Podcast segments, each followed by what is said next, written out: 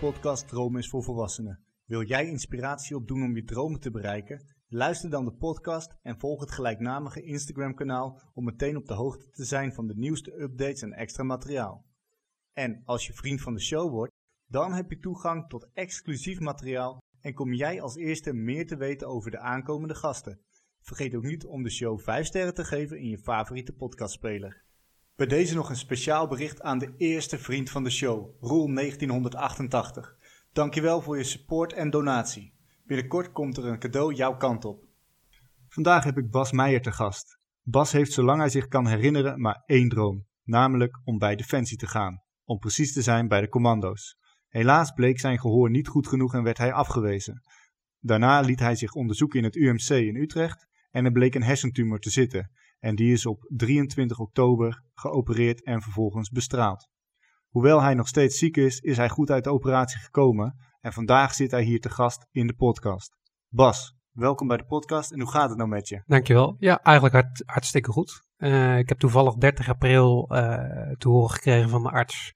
23 april is er een scan nog gemaakt, controlescan. En uit die scan bleek eigenlijk uh, ja, dat, die, dat, de, dat de operatieholte eigenlijk gekrompen is. En dat er ook geen sprake is van ja, groei op dit moment. Dus Kijk. wat dat betreft ben ik nou, schoon verklaard, dat zou ik niet willen noemen. Want het komt altijd op een dag terug. Maar uh, voor nu is de eerste scan is goed nieuws. Ja, mooi. En dat is mooi om te zien. En misschien ja. goed voor de luisteraars. We hadden eigenlijk is 23 april afgesproken om deze opname ja. te doen.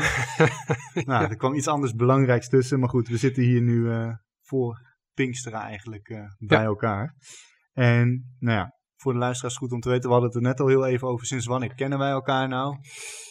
2013 ja. was het. Toen hebben we elkaar ontmoet op de wintersport van, van onze studievereniging. En lange tijd eigenlijk geen contact meer gehad. Ik was natuurlijk al afgestudeerd. Jij zat midden in je studie. Maar ja, we zijn eigenlijk allebei in de ziekenhuiswereld beland. Zeker. Jij als verpleegkundige en ik als beleidsadviseur. Um, hoe kwam jij tot die keuze om verpleegkunde te gaan doen? Um, of verpleegkunde is het eigenlijk. Ja, ik, ik, de klemtoon was niet helemaal goed. Nee, dat maakt niet uit. Um, ik, ik, toen, toen ik jou ontmoette, toen zat ik nog op de opleiding uh, medische hulpverlening.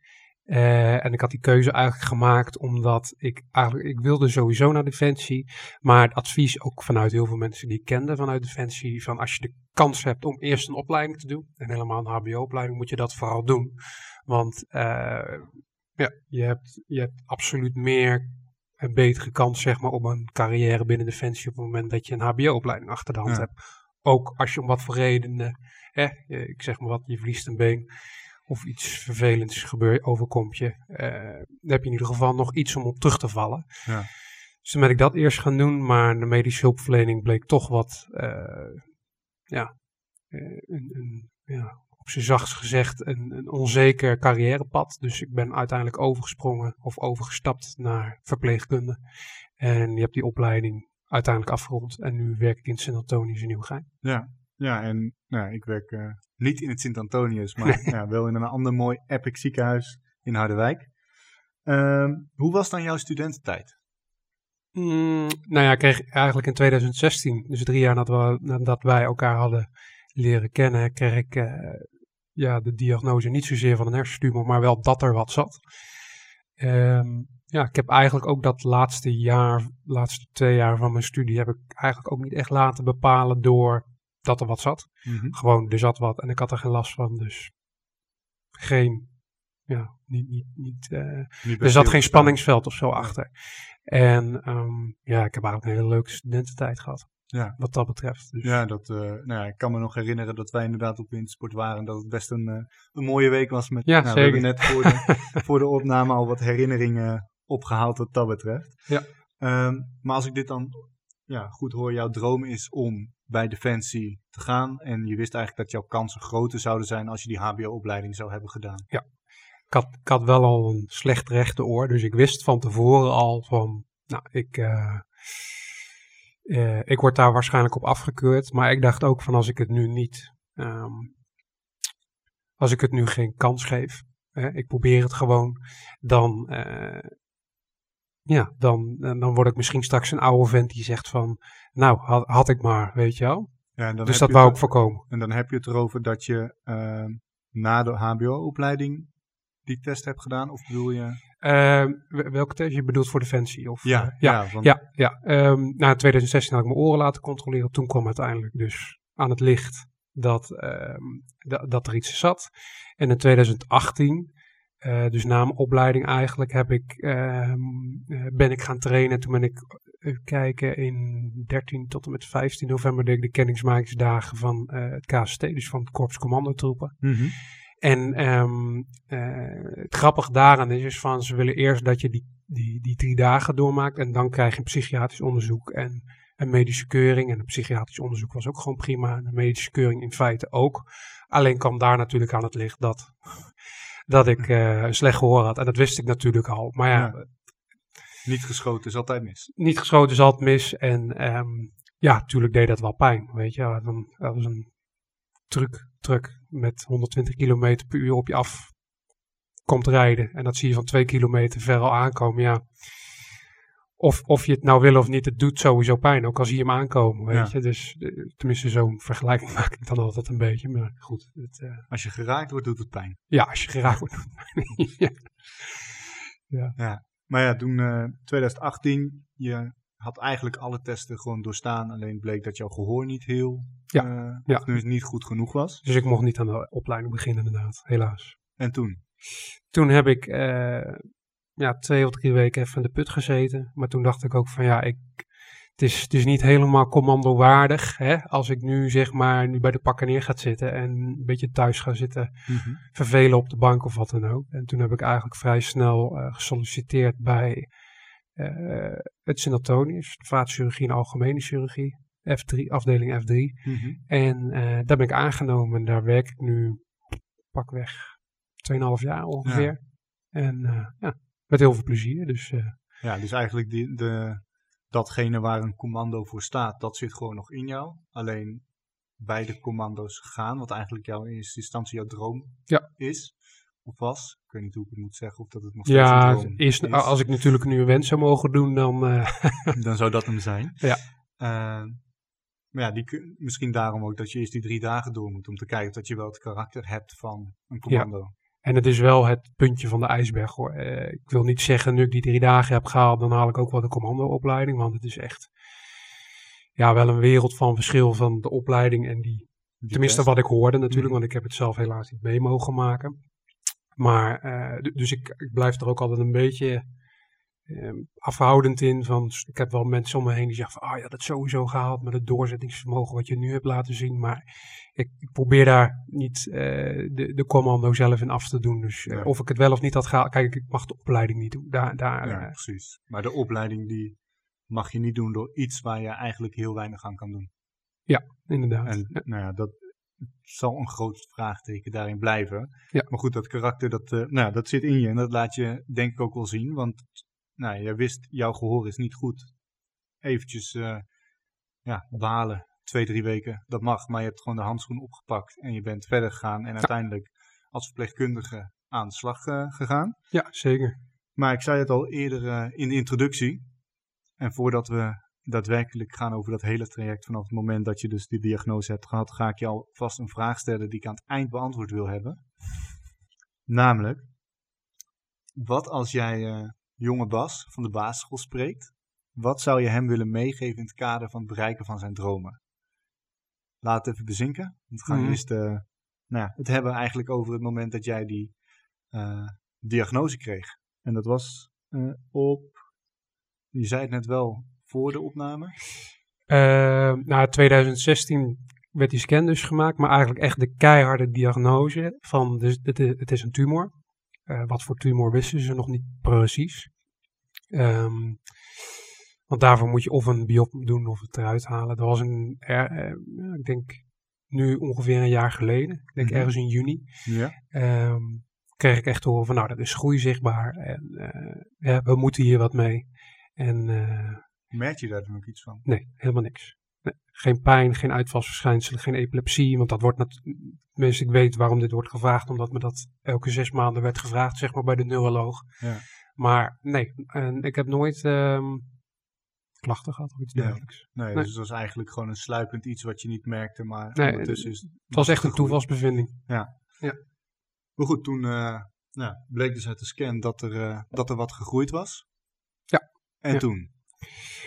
Toen ben ik eerst met mijn vriendin naar mijn ouders gegaan om het te vertellen. En ja, dat was wel een beetje pijnlijk, want eh, ik ga over het algemeen niet heel, altijd heel onverwachts naar mijn ouders. Weet je, ik kondig dat meestal een paar dagen van tevoren aan. Dus mijn ouders die waren in de veronderstelling dat het iets heel erg leuks zou zijn. Dus Ja. toen kwamen we thuis eh, bij mijn ouders en ik, ik keek er echt een berg tegenop om dat hele, want mijn ouders die wonen, ik woon zelf in Hilversum, zij wonen ja, ergens achter Arnhem, zeg maar. Ja, dus je kon Ver in het oosten. door. ja, het is wel een uurtje rijden, zeg maar. Met een beetje geluk als er niks tegen zit. Ehm, en natuurlijk vertrokken we net op het moment dat, ochtends- dat er eh, avondspits was. Dus ehm, Zit je jezelf op te eten in ja, je zit je zeker zelf op te eten. En we kwamen thuis en mijn vader, die, eh, ik zei tegen mijn ouders, nou ga maar even zitten aan de keukentafel. En nou, we moeten jullie wat vertellen. En mijn vader die slaat op de tafel en die zegt, jullie zijn zwanger of gaan trouwen. En ja, toen moest ik ze wel even uit die droom. eh, Ja, het was net, net eventjes iets anders. ja, dat was net eventjes iets anders. Ja. Dus het was wel een beetje, wat dat betreft, een beetje een anticlimax eh voor ze. Maar ehm, ja, dat was dus wel even heftig om te moeten vertellen. Ja. En eh, nou heeft mijn, die, mijn moeder, die is zelf ook verpleegkundige.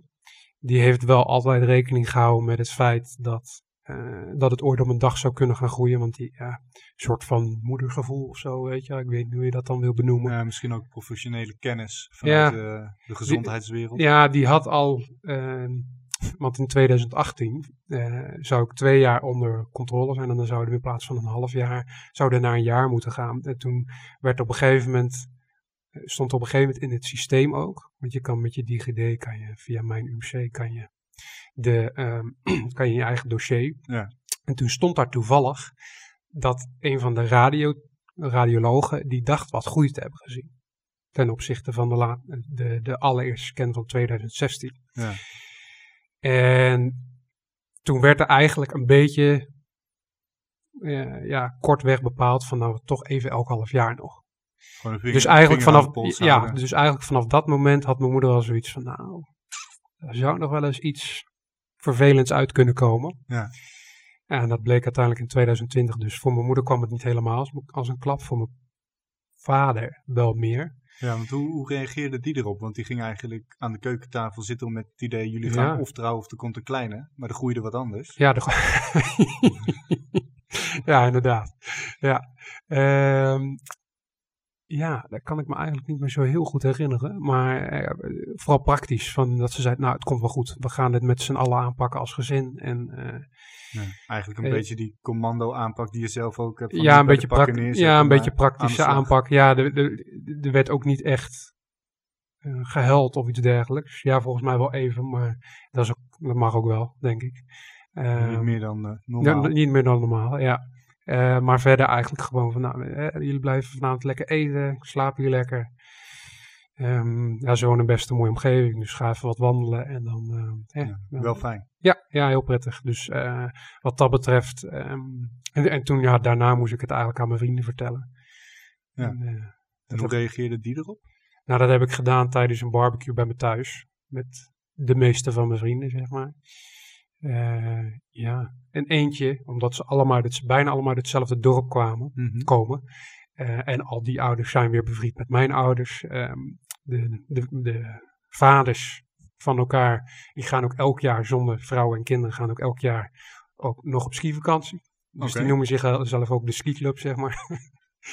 en ehm, die gaan dan elk jaar, die, die, die vertellen alles aan elkaar onderling. Dus ja, het is ook zo'n klein dorpje, dus dat gaat als een lopend vuurtje. Dus één of twee die wisten er al min of meer van. Mhm. Eh, ja, en ehm, ja, er zaten er wel één, er zat er wel één of twee tussen die echt, eh, eh, iedereen had er sowieso moeite mee. En maar één of twee die echt wel zodanig dat ze ook niet zo goed wisten wat ze moesten zeggen. Ja, ik zou het ook niet weten als ik het nu van een van hun zou Nee, want hoe, hoe oud waren al die vrienden, zo'n beetje? Mijn leeftijd, eh 5, 6, 27. Ja, ja, dan is het natuurlijk ook dat je nog niet dusdanig veel levenservaring hebt dat je daar op een gemakkelijke manier mee om Nee. kan gaan of meteen kan reageren van nou eh, Bas, Nee, Ja, eh, eentje die, ja, die heeft al heel vroeg op zijn zeventiende zijn vader verloren. Dus die wist wel meteen, en dat is ook altijd een beetje de regel van de groep, je hebt er altijd wel eentje tussen zitten. Hè? Ja. Ehm, die, eh, ja, die was er wel vrij vlot in, omdat in ja, goede banen, eh, zoiets. En, en de rest die, die, ja, die, die volgde dat voorbeeld als het ware. En ja, één of twee die hadden daar misschien net ietsje meer moeite mee, weet je. En de, de andere die heeft zelf ooit ook, eh, ook op een hele jonge leeftijd eh, oogkanker gehad.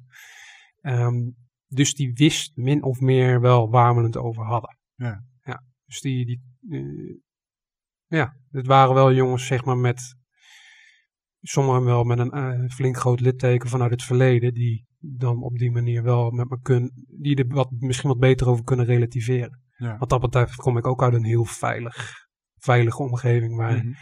waar ik bijna nog nooit wat heb meegemaakt. Dus wat dat betreft. Ja. eh, Ja, precies. Nee, maar dat eh, wel fijn dat je dan zowel bij eigenlijk dat je ouders ook een soort van steunnetwerk hebben, om het zo te zeggen. ja, zeker. Maar dat dat netwerk eigenlijk gewoon gelijk is aan jouw netwerk. Ja, dat zeker. opzicht. Absoluut. Ehm, maar goed, toen, je had het dan eh, de mensen die het moesten weten verteld. Ja. Hoe was die achtbaan toen, tot aan zeg maar jouw operatie op eh, 23 oktober? Want nou, juni, oktober, vier maanden. Ja. Lijkt me een redelijk korte, intensieve tijd. Ja, zeker, want eh, je moet dan van tevoren moet er weer even snel een scan worden gemaakt. Eh, er, moet, ehm, er moeten afspraken gemaakt worden van wanneer vindt die operatie plaats, want dat was toen ook nog niet helemaal zeker. En ik had zoiets van, eh, hoe, eerder, hoe beter. Want nog even een klein beetje context schetsen. Mhm. We zaten eigenlijk net na de eerste corona-lockdown, volgens Ja, mij. ja. Nou, je werkt als verpleegkundige volgens mij in een ziekenhuis waar eh, corona ook wel redelijk heeft huisgehouden. Ja, zeker. Eh, hoe was het dan om dan, nou niet verpleegkundige te zijn, maar gewoon patiënt eigenlijk, maar niet in die hele corona-situatie? Ja, dat was wel heel apart. Want eh, ik zat op een gegeven moment in een. Ja, ik werd, je- dan word je opgenomen. Hè, en dat werd uiteindelijk op de 22e gedaan. En de volgende dag dan zou je. ehm, en ik kreeg van die stickers op mijn hoofd verdeeld. En dan werd er een stukje van mijn haar ook weggeschoren. Ehm, eh, voor de neuronavigatie. Want dan Mhm. kunnen ze zien zeg maar, waar ze ongeveer moeten. Waar ze precies moeten zijn. Niet ongeveer, maar precies. Het is wel Eh. handig dat ze precies zijn bij je hersenen. Ja, eh, en dat doen ze dan op basis van een MRI-scan die dan ook op de 22e werd gedaan. En het was heel gek, want ik zat op die afdeling en er zat een wat oudere dame tegenover me. En die belt op een gegeven moment en die zegt, ja, ik moet even naar het toilet. En mijn eerste reactie was, oh, dat doe ik wel even. Omdat je dat normaal gesproken als verpleegkundige Doe dan ook mensen bij helpt, voor Ja. de anderen. Ehm, maar ja, toen moest ik op, op een stoel blijven zitten. Want ja, ik, ik ben geen. Ik werk daar niet. Ik, ik ben daar patiënt. Ja. Dus dat was wel een beetje apart. En ook met die hele coronasituatie. Ik zou eigenlijk op mijn verjaardag worden geopereerd op 16 oktober. en Dus een week daarvoor. Maar ik kreeg, en dan zou dan op een vrijdag zijn. En dan die donderdag zou ik worden opgenomen op de 15e. Maar dinsdag had ik nog wat kriebelhoest van twee weken daarvoor. En ik was al een week of twee daarvoor was ik getest op corona.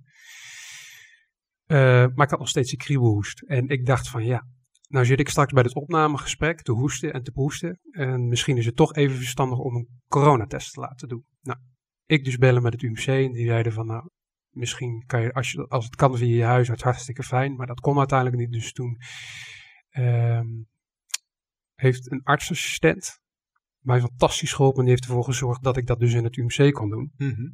Dr. Kersies, ik noem er even bij naam, want die... eh, eh, en Heeft goed werk geleverd. ja, assistent of Ainos, ik, ik weet even niet meer precies. Maar die heeft echt goed werk geleverd. Want ik weet zelf hoeveel, hoeveel, hoeveel geregeld dat is, Ja. zeg maar. Ehm, en helemaal naar die eerste lockdown. Want ja, we, we hadden nog, er was nog niet echt sprake van een sneltest. Ze werden wel steeds sneller. Maar er moest toch wel even een paar, het, twaalf uur overheen Ja. gaan voordat ze die test bekend als je, was. Als je zocht, ik heb ook in die, rond die tijd, nee, december heb ik toen een test laten doen, omdat ik ook ergens zo'n kriebeltje had en mijn vriendin ook. Mhm. En we hadden, in de avond hadden we de uitslag en in de ochtend waren we getest. Ja. Dus het ging steeds sneller. Het ging steeds, nu, nu hebben ze het binnen twee of drie uur Ja, is het, is het bekend. Maar toen ook, toen zeiden ze van nou, toen werd ik op woensdag getest, woensdagochtend. Toen zeiden ze van het is of vanavond bekend of morgen vroeg. Ja. Maar het zou wel voor 12 uur bekend moeten zijn, want ehm, dan zou ik worden opgenomen. Ja. Ehm, toen, eh, toen zaten wij te wachten bij mijn zusje thuis in Utrecht, want dat is toch net wat korter. En eh, toen werd ik op een gegeven moment rond een uur of half twaalf werd ik gebeld door eh, professor Dr. Rober. Die belde mij even netjes en die deelde me even, ja, er was een technische fout gemaakt. Eh, er- was iets van een technische fout of zo. Eh, geen idee wat dat precies inhield. Maar hij zei dat niemand kon er wat aan doen. Maar die test is niet op tijd bekend. Dus, Precies. In die situatie. ja, ja. dus het werd een weekje opgeschoven. En ik vond het op zich ja, niet super erg. Maar voor mijn vriendin, die zelf een vader heeft, die eh, net toen ik te horen kreeg dat ik zeg maar eh, die hersentumor had, die net zeg maar een maand daarvoor was geopereerd aan zijn alvleesklierkanker, was het Ja. ontzettend anticlimactisch. Ja. Dus die was echt, die, die sprong bijna uit de vel van woede. En niet zozeer tegenover Dr. Robe of tegenover, eh, gewoon de hele situatie. Ja, was gewoon Het was gewoon even de druk. ja, dat was voor haar echt killing. Dus ja. Ja, en toen, nou, uiteindelijk een week later was het wel. Maar ik ben nog wel benieuwd die, die periode ertussen. Tussen zeg maar de diagnosestelling, om het zo te zeggen, en daadwerkelijk die operatie. Welke gedachten en gevoelens overheersen dan? ja, dat kan ik me. Ik ben daar vrij oké doorheen gegaan, want je, je, je bent toch aan het werk. ehm, fulltime. Dus je, je, je hebt iets, je, weet je, je bent niet elke dag thuis om daarover te piekeren. En eh, Heel belangrijk om die invulling te houden. ja, zeker. Weet je, het kijk, ik had natuurlijk ervoor kunnen kiezen om, om, eh, hè, om niet te gaan werken en eh, thuis te laten bezinken of iets dergelijks. Maar ja, dat, dat weet ik nu al. Dan ga je thuis zitten en dan ga je daarover piekeren en je er heel vervelend en lullig over voelen. Maar nee, dat, dat was voor mij geen optie. Dus ik denk Nee. dat ik vooral mijn dagen vulde met. Hè, want ik wist ook niet precies hoe ik eruit zou komen. Dus eh, gewoon mijn vrije tijd, veel sporten, veel met vrienden afspreken. Want ja, je, weet niet hoe, hoe, hoe. Je weet niet zeker hoe je eruit komt. Ook al waren ze heel positief hoor over. van, Nou, dat, hè, want de tumor die zit eigenlijk bijna tegen mijn schedel aan, bij wijze van spreken. Mhm. Dus het was een makkelijk bereiken, te bereiken plek. Dus dat, wat dat betreft had ik even tussen aanhalingstekens, de luisteraars kunnen dit zien, maar Maar je doet echt daadwerkelijk de aanhalingstekens. ja, eh, ehm, eh, eh, geluk, zeg Ja. maar. Ehm, Ja, Ja. Het was dus belangrijk om gewoon lekker door te gaan met Ja. wat je eigenlijk altijd al deed. Om ervoor te zorgen dat je niet in die ja, piekenmomenten... ja, en dat hielp voor mij, weet je. Ik kan me wel voorstellen dat sommige mensen zich volledig, hun dagen volledig vol, ehm, volgooiden. En daar was ik ook wel in mijn achterhoofd heel erg mee bezig. Van, ben ik nou niet mezelf, hè, dat de klap dan, dan pas later komt. Mhm. Ehm, daar was ik heel bewust mee bezig van, hè, eh, even, even goed relativeren, wat is er nou precies aan de hand. Ja. En dat ik niet straks met, eh, ja, een, een, eh, De man met de hamer wat later. ja, de man met de hamer laten komt. Ja, inderdaad. maar ik denk wel dat daarin, kijk ook zoals ik jou dan destijds acht jaar geleden heb meegemaakt. eh, maar ook zoals je nu hier voor me zit. Het is wel gewoon overdacht positief. Mhm. Maar niet dat je erover nadenkt dat je positief moet blijven. Maar je bent gewoon eigenlijk heel nuchter, praktisch. Maar Ja. hebt wel erin die positiviteit. Plus, ja, hoe sterker jij een operatie ingaat. Ja. Hoe beter je er ook uitkomt. Dat blijkt uit allerlei onderzoeken. Ja. En toen, eh, nou ja, 23 oktober was dan de dag dat je werd geopereerd. Want Ja. de coronatest was negatief. Ja. Ondanks de storing. ja. Ehm, en toen? Ehm, nou, toen heb ik vijf dagen eh, geopereerd. Ik werd wakker. Nou, mijn vriendin mocht me even zien op de recovery. Eh, en we- eigenlijk het allerergste van het hele proces vond ik eigenlijk nog, eh, buiten dat je natuurlijk eh, ontzettende koppijn hebt, vooral die eerste paar uur. Ehm, want ja, in het ziekenhuis heb je zo'n, misschien voor mensen die vaker in het ziekenhuis hebben gezeten, die, dan krijg je zo'n pijnschaal van, hè, van 1 tot 10.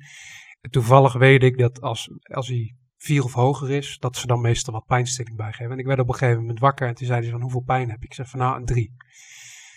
En ze zaten ondertussen over te dragen. En toen zei ik van nou ik wil toch even mijn antwoord aanpassen. Toch een 4. Ja. En toen gaven ze me meteen eh 2,5 milligram morfine. Eh, en dat werkte heel erg goed. Ehm, en het ergste vond ik eigenlijk nog de katheter. Dat vond ik echt, ja, het, gewoon niet lekker zitten. Nee. Ehm, dat vond ik eigenlijk nog het ergste, hè, dat hele proces. Want daarna heb ik gewoon, ja, ehm, nog vier dagen in het ziekenhuis doorgebracht. Dus ik mocht vrij snel weg eigenlijk. Na vijf dagen het ziekenhuis door hebben gebracht, mocht ik weg. Protocolair eigenlijk zes dagen wist ik van ehm, de verpleegkundige op de afdeling. Maar ja, ik, ik liep op dag, de, volgende dag na mijn operatie stond ik al naast het bed op de recovery. Ja. Ehm, omdat uh, de recovery um, verpleegkundige, ik weet niet, ben even zijn naam kwijt. Ad, Ad was het. Um, moest even mijn bed schoonmaken. En zei van, nou, dit is de eerste keer in twintig jaar dat een patiënt van me naast het bed stond. Dus het ging eigenlijk al hartstikke goed. Ik voelde me prima. Tot op zekere hoogte natuurlijk. En ik, ja, eh, veel gelopen op de afdeling. Toen zei hij op een gegeven moment van, nou, we hoeven je niet nog een, lang, een dag langer te houden. Ga maar lekker naar huis. En toen heb ik, ben ik thuisgekomen. Um, daar herstellen. En dan, ik moest tien dagen lang dexamethason slikken. De meeste coronapatiënten die weten, die zuurstof krijgen, die krijgen dat nu ook. Dat is eigenlijk een, uh, ja, dat gaat de zwelling tegen en ook um, in mijn hoofd. En uh, een ontstekingsremmer eigenlijk. Mm -hmm. um, en daar word je een beetje opgefokt van. Dat geeft je een beetje een soort van oppeppend gevoel. En dat moest ik nog tien dagen uh, slikken. En dat nou, verschrikkelijk om dat thuis nog te gebruiken. Ik had wel een mooi afbouwschema. Maar ik, ik reageerde daar heel slecht op. Ik had op een gegeven moment, toen ging ik weer voor het eerst boodschappen doen. En toen, ik, ik werd er gewoon een beetje agressief van. Ik moest op een gegeven moment in de rij staan. En er stond een oud vrouwtje van 80 voor me. Die in mijn hoofd mapte ik die op een gegeven moment gewoon opzij van schiet eens op. Maar ja. uh, toen uiteindelijk die dexamethason uh, gebruikt. En herstellende, herstellende. En drie weken later kreeg ik een, de uitslag van het uh, pathologisch onderzoek. En daaruit bleek eigenlijk dat, uh, dat er, ze zeiden in eerste instantie het zou een G2 zijn. Uh, wat inhoudt een, niet, een, niet een goedaardige tumor, maar wel een laaggradige tumor, zeg maar. Dus hij groeit niet snel. Uh, ja. hij, hij, kan ook niet metastaseren, dus geen uitzaaiingen. maar wel de kans dat hij ooit naar een G3 of 4 groeit. Dus daarom moet ze er ook uit. Ja. Maar wat ze sinds een paar jaar pas doen, is dat ze uh, ook op moleculair niveau kijken van uh, zit er een mutatie. En toen bleek er dus uiteindelijk, uiteindelijk een TERT-mutatie te zitten. Uh, de verpleegkundige specialisme die me daarover informeerde, die vroeg op een gegeven moment van, zoek je zelf dingen op? Ik zeg van ja, nou doe in dit geval dat maar even niet.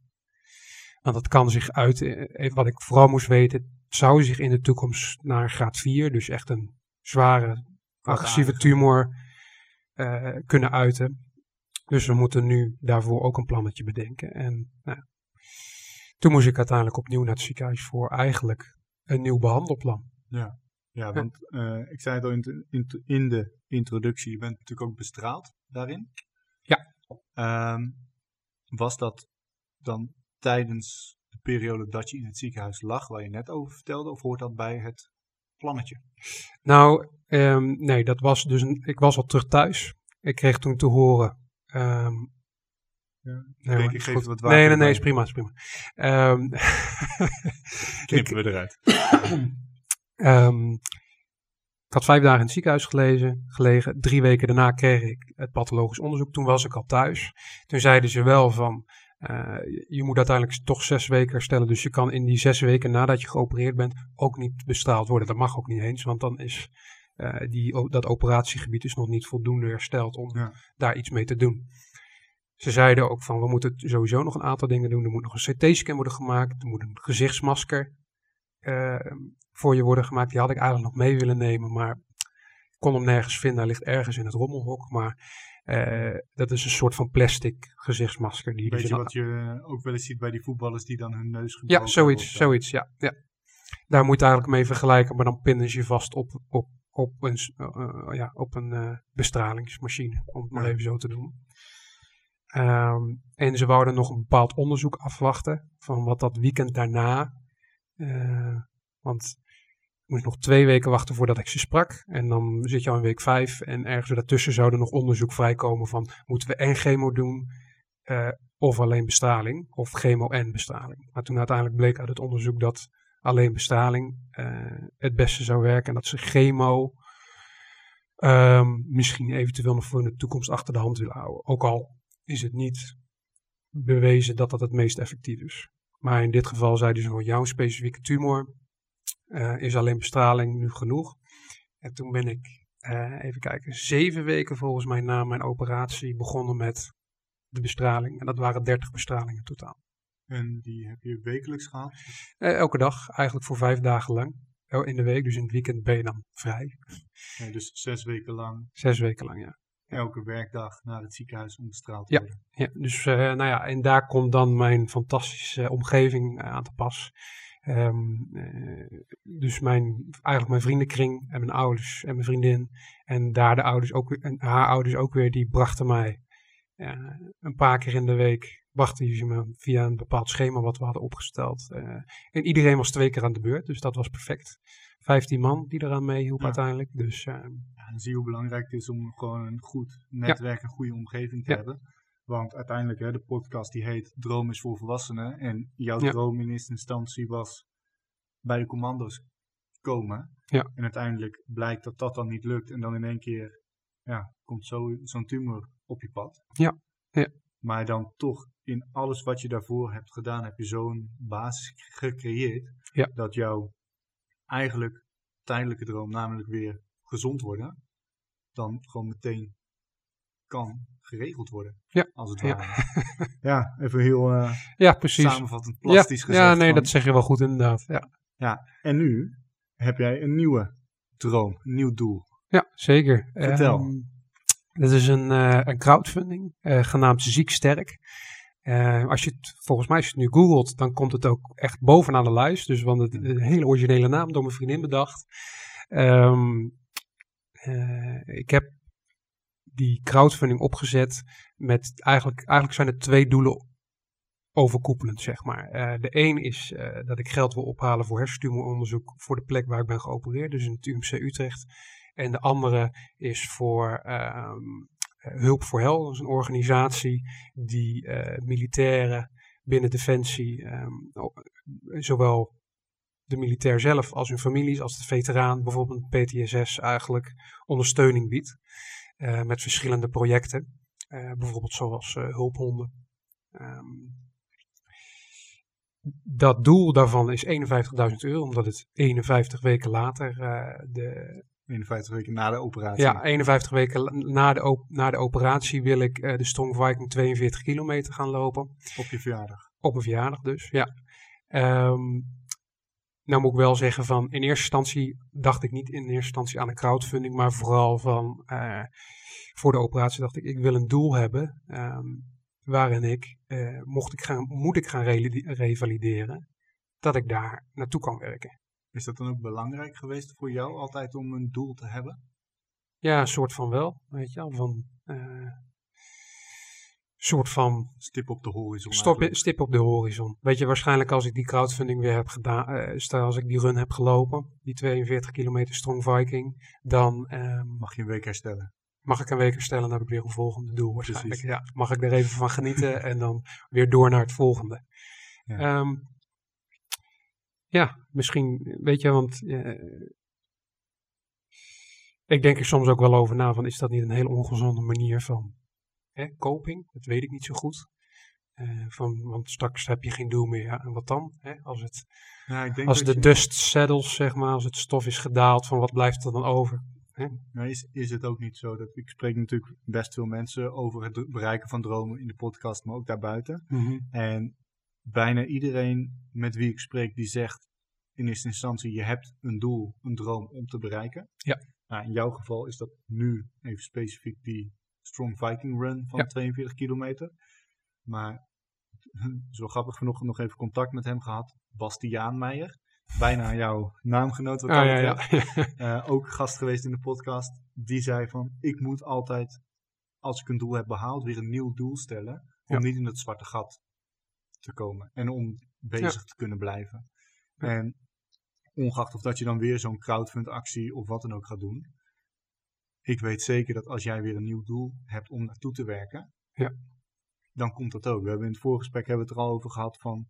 eh, je zit nu in een huurhuis, wil je een koophuis gaan hebben. Ja. Dan is dat ook een doel waar je naartoe gaat werken. Heel ander doel. Maar het is wel weer iets waarmee je bezig kan blijven. En dat heb je eigenlijk ook gedaan in die periode tussen diagnose en operatie. ben je ook gewoon bezig gebleven. Ja, zeker. Ja, ik denk dat dat inderdaad wel een, ehm, een doel op zich is om steeds doelen voor, je, voor jezelf eh, eh, te stellen, zodat je eh, bezig blijft, zeg maar. Ja, ja en ik denk dat dat ook wel belangrijk is. Je hebt een omgeving die een basis geeft, Ja. maar van daaruit heb je ook gewoon dusdanige ja, positieve instelling dat die doelen die komen er ook wel. Ja, dat denk ik ook wel, ja. kijk, dat, eh, een voetbalteam heeft vaak als doelstelling om het zo goed mogelijk te doen in de competitie. Mhm. Maar ja, als de competitie voorbij is, wat is dan het doel? Zo goed mogelijk doen in de competitie. Ja. Om het jaar erop. ja. En de doelen daartussen zijn steeds wedstrijd per wedstrijd, training per training. En de Ja. trainer heeft daar natuurlijk een, eh, belangrijk, ja, een belangrijk zegje in. Ja. Eh, het team om de trainer heen, dus niet zozeer de spelers, maar de staf. Die kijkt daarin ook van wat hebben we voor spelers nodig voor volgend jaar, waar kunnen we nog in verbeteren, hoe kunnen we het zo goed mogelijk faciliteren. Zeker. Ja, jouw doel nu is heel concreet die Viking Run gaan eh, doen. Ja. Maar jij bent ook een faciliterend persoon in de vorm van die crowdfundactie. Ja, Dus hoe kunnen, hoe kunnen mensen jou steunen? Hoe kunnen ze jou nou, om even de facilitator te zijn voor jou, hoe kunnen ze jou steunen? Ehm, nou, zeker om eh, mijn bericht te delen. Ik heb het gedeeld via LinkedIn, Facebook en eh, Instagram. En, ehm, eh, mijn, en natuurlijk doneren, als het even kan. Ja. Ehm, op het moment vind ik vooral delen heel erg belangrijk. Ehm, eh, je kan het vinden bij Vrienden van het U. Je kan het ook, de, de, de donatiesite zelf met het hele verhaal en wat er allemaal achter zit, kan je ook nog, waar we het eigenlijk net ook over hebben gehad, vinden via ehm, eh, Vrienden van het UMC. En dan heb je een kopje geef doelen. En onder die doelen heb je hersenonderzoek. Ja, dus, Ehm, en dan zie je vanzelf mijn eh, actie Ziek Sterk. Maar als je het gewoon googelt Ziek Sterk, dan kom je er. Ja, ik zal sowieso linkjes plaatsen bij deze podcast aflevering, dat Ja. mensen het makkelijker kunnen vinden. Ehm, maar goed, je zei net al, hè, ehm, deels tussen neus en lippen door. mhm. Maar eh, ik wilde wel nog heel even over hebben.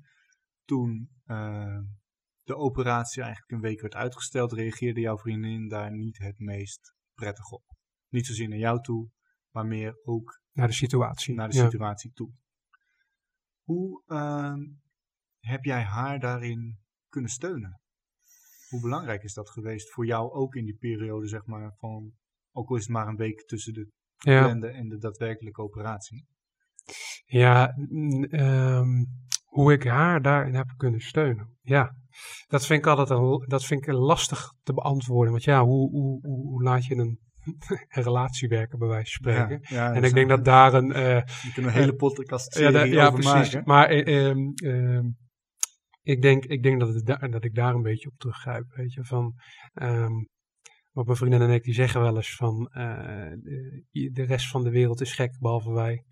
En eh, ik denk dat dat in dit geval dat een fijn iets was om op terug te, te grijpen. Dat we zoiets hadden van ja, dit, kan toch eigenlijk gewoon niet, weet je al. Op Ja. dat moment. Hè, to- zonder dat iemand er wat aan kon doen hoor.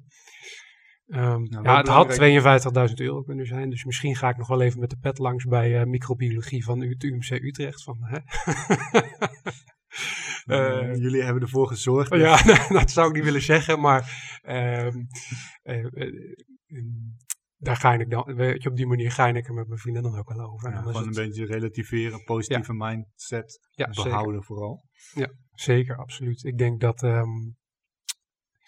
dat als we daar heel erg op hadden gefocust, dat zei ik ook als eerste, van dat, eh, mijn vader zat toevallig ook toen op dat moment bij mijn zusje en mijn ouders, tenminste allebei mijn ouders, en die zeiden ook allebei van ja, het is nu belangrijk om je daar niet op te focussen. Richt je op hè, wat, Ja. wat komen gaat. Ja, maar ook richt je op de dingen die je kan veranderen. Ja. Als je het dan Ja. hebt over het bereiken van je dromen, ongeacht welke situatie. Ja, zeker. Ehm, ik schrijf het ook in het boek van, eh, of in een blog had ik het laatst ook eh, geschreven. Ik kan tegen jou zeggen, ja, eh, ik heb HAVO gedaan, maar ik kon VWO doen. Ja, dat is leuk.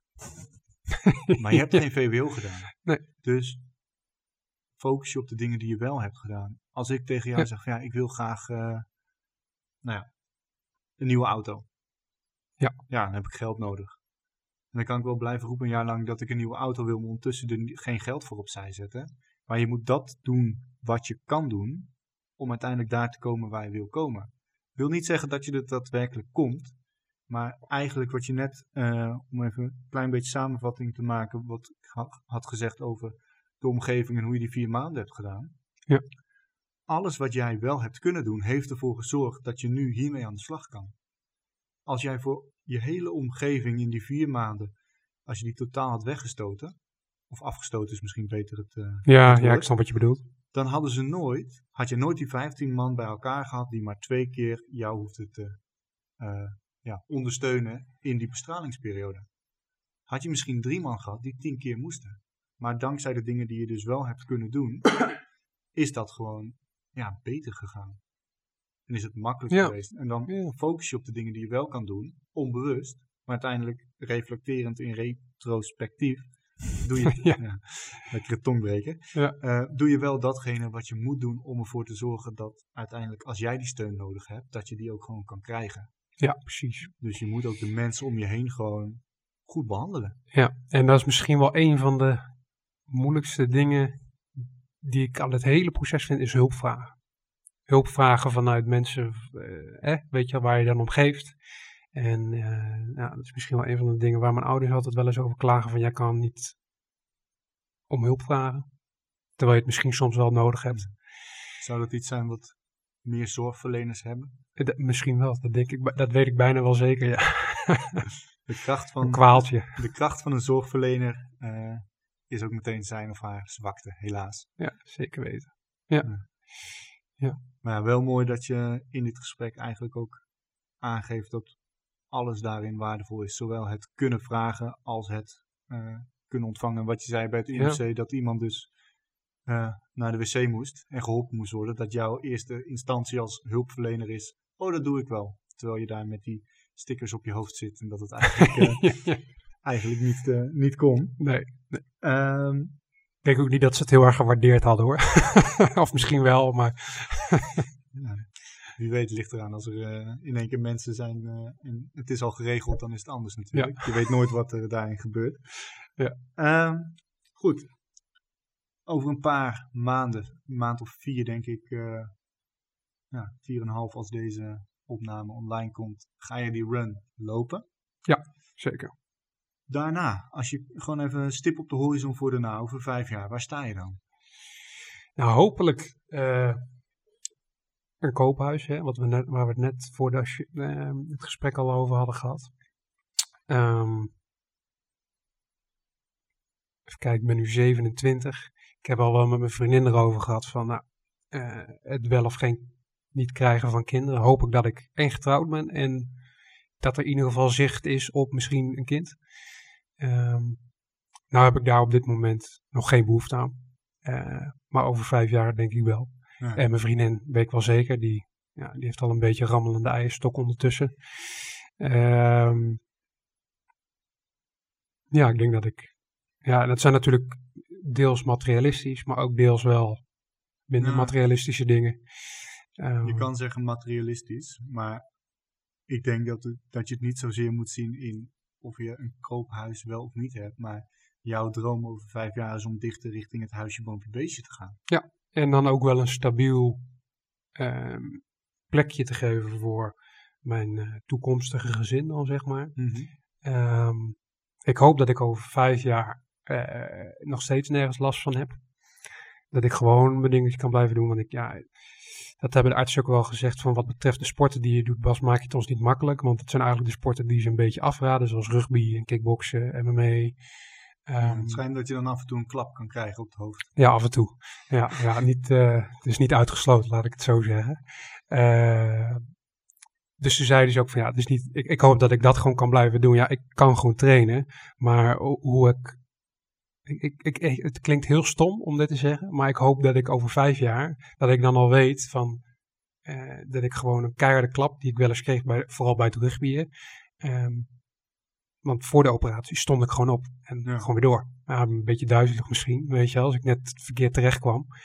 Maar ik hoop dat ik dat gewoon nog kan blijven doen, weet je wel. Die, Ja, dat je weer die ervaring hebt Ja. van voor de operatie en dat je er hetzelfde uitkomt. Ja, precies. Ja. Ja. en nou ja, rugby is natuurlijk wat dat betreft niet het beste voor je. Maar ja, goed, weet je, ik speel ook niet op zo'n super hoog niveau, weet je. Het- Ik zoek het soms ook zelf uit, want ik, ja, ik tackle ook mensen die, eh, ja, ik, weeg voor een, iemand van mijn positie weeg ik eigenlijk niet zoveel. Ik weeg 95 kilo. En ja, eh, de meeste die op mijn positie, die wegen zo'n 20 kilo zwaarder. Ja. Vooral als ze het al wat langer spelen, dus er zijn wat meer worst en bieren ze doorheen gegaan tijdens de derde, derde helft. Er zit wat eh, een hoger percentage vetweefsel. Ja, ja, inderdaad. Dus ik hoop, ik hoop dat ik dat gewoon straks nog kan lekker blijven doen. Dat is, ja, Ja, dat is sowieso denk ik een, eh, een mooie stip op de horizon voor jou, wat Ja. dat betreft. ja zeker. Eh, nou, ik wil je sowieso bedanken voor dit, eh, Ik wil je ook dit bedanken. gesprek. Ja. Leuk om je na die acht jaar eh, te spreken. Ook is Ja. het onderwerp natuurlijk wat minder eh, Plezant. plezant. maar wel, ja, weet je, wel super tof. En ik denk in dit hele gesprek komt het heel duidelijk naar voren dat de doelen die je jezelf stelt, wat in instantie de commando's was, waar je de keuzes voor hebt gemaakt om die HBO-opleiding te doen, Ja. tot aan, eh, nou ja, eigenlijk blijven trainen voor je operatie en nu die Strong Viking Run en straks dan wellicht huisje, boompje, beestje.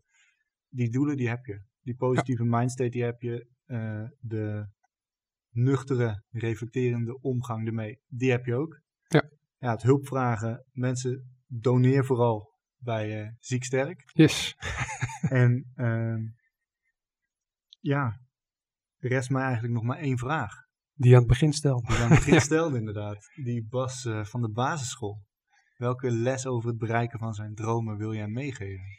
Ehm, nou, daar heb ik net eventjes zo tussen alle bedrijven door wel over nalopen denken. Maar ik denk vooral van, nou ja, hè, niet, geef nooit op. Gewoon keihard doorzetten. Wat je eigenlijk, wat ik eigenlijk, wat ik, heb ik het dan even tegen mijn achtjarige zelf, vijfjarige zelf. Gewoon altijd wat je, wat, wat je altijd al doet. Ehm, lekker blijven sporten. En ehm, wees niet onzeker over, hè, over wat jij denkt dat, dat, dat wel of niet mogelijk is. De wereld ligt aan je voeten. De wereld ligt aan je voeten. Helemaal Ja. goed. Dankjewel.